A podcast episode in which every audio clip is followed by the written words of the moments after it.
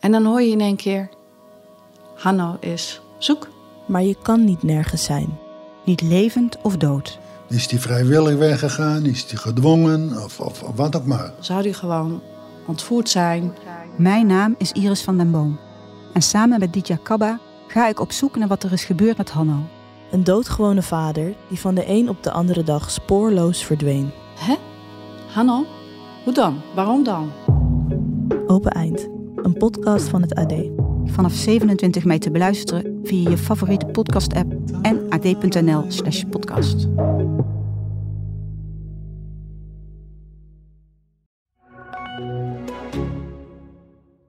In die ehm, WhatsApp-gesprekken die zijn toegevoegd, daar wordt gesproken over eh, dingen als het beschermen van het uithalen van slechte zielen in zijn ziel terughalen, het laten oprotten van de vrouw van de gezondheid van pa.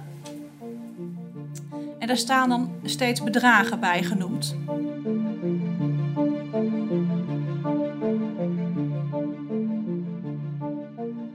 Er gaat steeds van alles mis in je leven. Maar dan heeft je allerbeste vriendin de oplossing. Je moet er alleen even voor betalen. En nog een keer voor betalen. En nog eens. En dan blijkt dat je vriendin alles voor zichzelf heeft gehouden.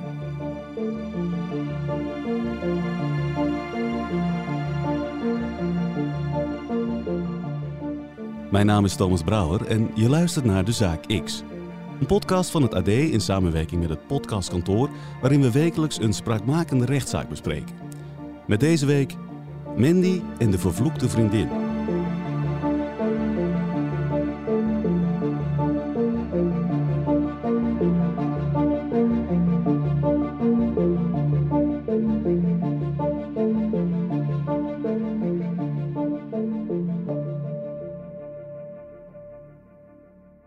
Hebben twee hoofdpersonen, om het even duidelijk te maken. Dat is een vrouw die zegt dat ze slachtoffer is geworden. Dat is Sandra. En we hebben een verdachte, en dat is Mandy. Ze waren ooit hartsvriendinnen. Verslaggever Niels Dekker van AD de Dortenaar is eind maart in de rechtbank van Rotterdam. Vanwege privacy gebruiken we niet de echte namen van de vrouwen om wie het gaat in deze zaak. Het slachtoffer noemen we Sandra, de verdachte noemen we Mandy. Ze hebben elkaar eh, begin van deze eeuw leren kennen. Eh, vanaf de periode 2004-2005 zijn ze vriendinnen geworden. En dat klikte blijkbaar dusdanig goed dat ze hartsvriendinnen werden. Het ging zover dat eh, op een gegeven moment Sandra, het vermeende slachtoffer, een van haar kinderen heeft vernoemd naar Mandy. Ze hebben samen een tatoeage genomen, exact dezelfde die ergens op hun lichaam prijkt. Ze deelden van alles, eh, eh, zelfs dat eh, Mandy. Ze zat aan de grond financieel, ze had gezondheidsproblemen, zelf ook moeder. En als ze geld nodig had, ja, hoefde ze maar aan te kloppen bij Sandra. En dan maakte die vrijwillig geld over. Daarover zei de verdachte ook, daar ben ik er hartstikke dankbaar voor. Het was echt een supergoeie vriendin. Maar dat is niet het geld waar het in deze zaak om draait, want dat gaat lopen vanaf 2012. Want vanaf 2012 verandert de situatie. Wat gebeurde er toen? Nou, blijkbaar was Mandy heel spiritueel. Dat vertelde Sandra toen ze aangifte deed bij de politie. Dat ze spiritueel was en dat ze ook een medium kende. En Sandra vertelde dat in 2012 haar auto stuk ging. En dat haar beste vriendin toen zei... Hé, hey, maar eh, dat komt volgens mij door bepaalde dingen. Er zou wel eens een vloek op jou en je familie kunnen rusten. Ik ken een medium, Francesco, uit Santo Domingo, Dominicaanse Republiek. En die kan zorgen dat die vloek wordt verdreven. Dat het beter gaat in jouw leven. En daar stonk Sandra naar eigen zeggen in. De rechter leest in de rechtbank de verklaring van Sandra voor aan Mandy. Sandra is zelf niet bij de rechtszaak aanwezig, omdat het volgens haar psycholoog nog te zwaar voor haar zou zijn. En zij zegt dan, eh, ik was in die periode vrij zwak. Ik was net gescheiden van mijn ex en hiervan heeft misbruik gemaakt. Ik gebruikte medicijnen, zegt zij. Ik was labiel. Ze vertelde vaak leugens, die geloofde ik. En ze manipuleerde mij. Ze zegt, ondertussen had eh, zo op mij ingepraat dat ik nog meer bedragen overmaakte naar haar in ruil voor hulpverlening via dat medium. Ze zegt, ik had toen ook nog niet in de gaten dat, ze helemaal, dat ik helemaal geen hulp kreeg. Want als er iets leuks of positiefs gebeurde, dacht ze bij haarzelf uh, dat die hulp uh, dan was op afstand uh, gekomen van dat medium.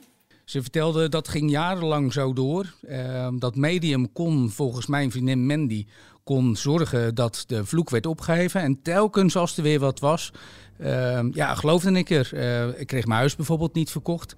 En dan zei Mandy, uh, nou, dat medium, dat kan je helpen. Maar dan moet je wel, en daar komt de aap uit de mouw, moet je geld overmaken. Want dat medium werkt niet voor niks. Dat medium was niet gratis? Nee, maar er moest uh, niet rechtstreeks worden overgemaakt. Maar dat geld volgens het vermeende slachtoffer Sandra. Het geld door haar beste vriendin Mandy naar haar worden overgemaakt. En dan kon zij dat overmaken naar het medium Francesco in Santo Domingo. En zij zegt dat ze er eigenlijk pas in maart 2018 achter kwam dat ze eigenlijk al die tijd opgelicht was uh, door, uh, door u. Ik heb nooit hulp gekregen, zegt zij. En de dienstverlening voor ik, waarvoor uh, ik betaald had, heb ik nooit gehad. En ze zegt ook, denk dat nooit ehm, geld heeft overgemaakt naar het medium. Dat het gewoon een listige greep, zo noemt zij het, is geweest om haar, uh, van haar om mij, mijn geld af te nemen. En ze zegt ook dat ze dan nu zoveel schulden heeft door wat er is voorgevallen, dat zij uh, sinds januari 2020 onder bewind staat. Verdachte Mandy heeft een heel ander verhaal over de gang van zaken, blijkt in de rechtbank. Niet Sandra, maar juist zij is het slachtoffer. Mandy vertelt dat ze dat geld kreeg voor boodschappen. Om spullen te kopen voor de kinderen van Sandra. Uh, het ging om een nieuwe fiets, een laptop, grote uitgaven. En ze parkeerden dat geld ook wel eens naar eigen zeggen op een spaarrekening. Dat vond het Openbaar Ministerie ook heel erg verdacht. Waarom zou je dat op een spaarrekening parkeren op het moment dat je dat geld van je vriendin krijgt om die grote, dure spullen aan te schaffen? Maar zij zei ja, dat was om te voorkomen dat de automatische incasso's zouden plaatsvinden dat dat geld dan weg uh, ging naar uh, vorderingen, naar schuldeisers. Dus daarom zette ik dat even op een spaarrekening. En het kwam ook op de rekeningen van haar eigen kinderen terecht, dus van de verdachte haar kinderen. En dat was ook een excuus, zei ze, omdat ze op dat moment de bankrekening, dat Sandra de bankrekening van Mandy nog niet had. Beetje vreemd verhaal vond het Openbaar Ministerie. Want je bent beste vriendinnen. En waarom heeft ze wel de bankrekeningen van haar kinderen, maar niet van haarzelf? Mandy zegt, uh, ik vind het verschrikkelijk dat ik word neergezet als een boeman. Uh, ik ben een hele goede vriendin geweest.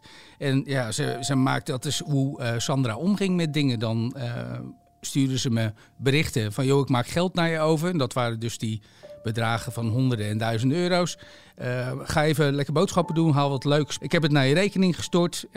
en volgens Mandy was dat hoe haar vriendin met zaken omging. Betaal dit ermee, betaal dat ermee. En dan maakten ze bedrag over volgens Mandy voor laptop of een fiets voor de kinderen of een cadeautje voor dit of dat, telefoons. Alleen bij de omschrijving van de overboekingen stond nooit iets vermeld. Niet voor de medium, maar ook niet waarvoor het geld dan wel bedoeld was.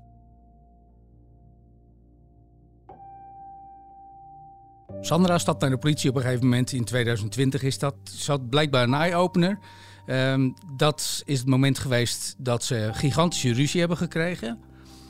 Daarover sprak Mandy ook. Zij vermoedt dat dat de reden is dat ze nu in haar ogen ten onrechte wordt beschuldigd van diefstal. Dat er iets heel anders speelt. Waar die ruzie dan precies over ging, werd niet helemaal duidelijk. Het zou iets te maken hebben met de kinderen. Nou, ze hebben een tijdje geen contact gehad en in 2020 gaat dat verhaal dan vervolgens verder omdat op dat moment Sandra zegt: Ik krijg allemaal appjes binnen. Die heeft ze ook binnengekregen. Alleen van wie ze die dan kreeg, is onduidelijk. Maar in die appjes stond: hey, er staan nog rekeningen open van het medium. Je moet nog 15.000 euro afdekken. In die um, WhatsApp-gesprekken die zijn toegevoegd, daar wordt gesproken over uh, dingen als het beschermen van het uithalen van slechte zielen in zijn ziel terughalen, het laten oprotten van de vrouw van de gezondheid van pa. En daar staan dan steeds bedragen bij genoemd. Er wordt gesproken over bedragen die zijn betaald. Er wordt gesproken over termijnbedragen. Er wordt een totaalbedrag genoemd van ruim 15.000 euro. En daarvan zou dan nog 12.000 euro openstaan. De berichten zijn bestemd voor zaten dan in die, uh, die appberichten uh, te lezen. En daar volgt dan een mededeling dat Francesca het maandbedrag heeft verhoogd. En dat dat uiterlijk de 23ste uh, en dat uiterlijk de 23e dat termijnbedrag binnen moet zijn. Mocht ze hier niet aan willen voldoen, dan krijgt ze alle, alles teruggekaatst en houdt ze geen rekening meer met kinderen. Appjes, overschrijvingen, dat lijkt toch een overduidelijke zaak, ondanks de twee verschillende verhalen. In de rechtbank blijkt het wat ingewikkelder. Wat voor indruk maakte Mandy op jou in de rechtszaal? Uh, piekfijn verzorgd. Uh, volledig in het roze. Uh, roze broek, roze uh, tasje, roze trui. goed in de make-up. Ze was samen met haar vriend gekomen. En tijdens de ondervraging door de rechter ja, kwamen er ook zelfs tranen... omdat ze echt meende dat zij het slachtoffer was. En dat zij ten onrechte als boeman werd neergezet. Ja, je zei net, er zijn op een gegeven moment dreigende appjes doorgestuurd naar Sandra... Maar het is niet duidelijk van wie die appjes dus komen. Tijdens de zitting vroeg de rechter daar natuurlijk naar van weet u van wie ze zijn? Want ze zijn, is duidelijk, niet afkomstig van de verdachte, Mandy. Blijkbaar zijn die appjes keer op keer doorgestuurd. Zoals, denk even bij jezelf na, een appje krijg jij van persoon 1, die stuurt hem door en die stuurt hem door. Dus hij is tig keer doorgestuurd. Ja, en dan deed je een bijzondere ontdekking in de rechtszaal. Jij kende namelijk de partner van Mandy. Ja, tijdens de bespreking van het dossier noemde de rechter haar vriend, omdat hij ook geen verdachte in deze zaak, maar wel ergens bij het doorsturen van die WhatsAppjes betrokken zou zijn geweest. Dat hij contact had gehad met de nieuwe man van Sandra. En dat bij het horen van die naam ik opeens dacht: hé, hey, maar dat gezicht kwam me al een beetje bekend voor, maar deze naam die zegt me ook wat. Toen ben ik in mijn, tijdens de rechtszaak in mijn archief gaan kijken. En ik keek schuin rechts achter me in de zaal. En toen zag ik opeens, hé, hey, maar dat is de verdachte geweest die een paar jaar geleden voor de rechter stond omdat hij eh, van de Irenekerk in Ridderkerk 126.000 euro heeft gestolen, waarvoor hij ook is veroordeeld. Nou is deze man natuurlijk geen verdachte in de zaak, maar je krijgt er wel een bepaald gevoel bij, hè? Nou, het pleit op dat moment wisten we nog niet de uitkomst van de rechtszaak, maar dan bekruipt je wel een gevoel. Je begeeft je in ieder geval in kringen van mensen die blijkbaar in staat zijn tot heel verkeerde dingen. Soortgelijke zaken als waar jij nu van wordt verdacht, oplichting. En je hebt ook dezelfde achtergrond, je bent boekhoudster geweest. Hij was destijds ook boekhouder. Dus toch wel heel erg het gevoel dat je bekruipt 1 en 1 is 2. Maar ja goed, uiteindelijk is dat niet hoe de rechtspraak, gelukkig zeg ik maar, in Nederland te werk gaat. Dat je ook verantwoordelijk wordt gehouden voor de daden van je partner. De zaak tussen de Vlaardingse Mandy en Sandra, waarbij uit goed vertrouwen een misverstand is ontstaan of waar regelrecht is opgelicht, wordt behandeld door een politierechter. Dat gebeurt vaak wanneer het een kleinere zaak betreft. De rechter doet dan meteen een uitspraak en die valt door een ogenschijnlijk onbelangrijk detail de ene kant op. Hier was de rechter redelijk duidelijk. Uh, die sloot het onderzoek en zei: Ik ga u vrijspreken, want ik zie onvoldoende overtuigend bewijs dat u hier schuldig aan bent. Er is een verdenking ze had de bedenkingen ook wel, alleen ze zegt er is geen overtuigend bewijs dat hier sprake is geweest van oplichting. En dat zat dan blijkbaar met name dus ook in die overschrijvingen van die geldbedragen. Daar heeft geen enkele omschrijving bij gestaan.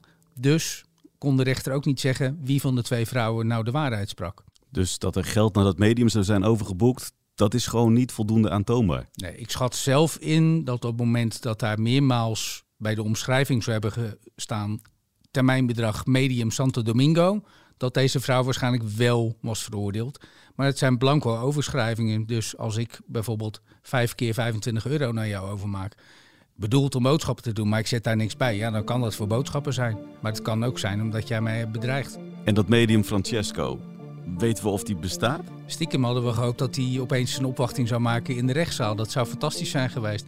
Het is onduidelijk of hij bestaat en ook of de recherche, CQ Politie, Openbaar Ministerie, ooit heeft geprobeerd te achterhalen of dit medium daadwerkelijk bestaat. Ik heb nog niet gegoogeld, maar ik denk dat als je Google medium Francesco Santo Domingo, dat er misschien wel een resultaat uitrolt. Nou, dan zou ik zeggen, be my guest om een eh, retourtje te boeken op kosten van de baas naar Santo Domingo.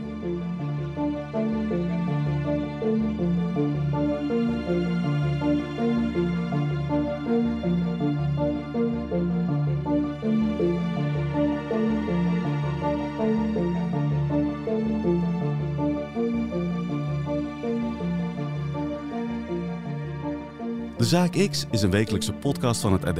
En deze aflevering werd gepresenteerd door mij, Thomas Brouwer. Aan deze podcast hebben meegewerkt David Achter de Molen van het podcastkantoor, Rick Bolt, Emma Ties, Rosemarijn Wismans, Joost de Kleuver en Tara Riem. Laat een review achter als je dit een goed verhaal vond en wil je geen aflevering missen? Abonneer je dan op dit kanaal.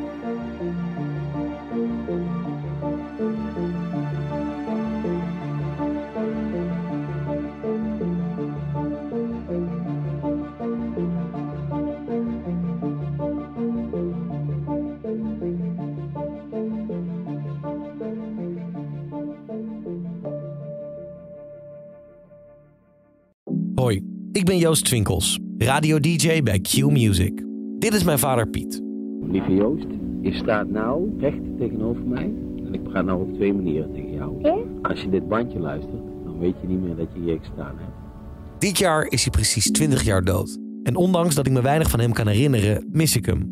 Speciaal voor mijn broer Koen en mij liet hij brieven en audio-opnames na... die ik in deze podcast induik om niet alleen hem, maar ook mezelf beter te leren kennen.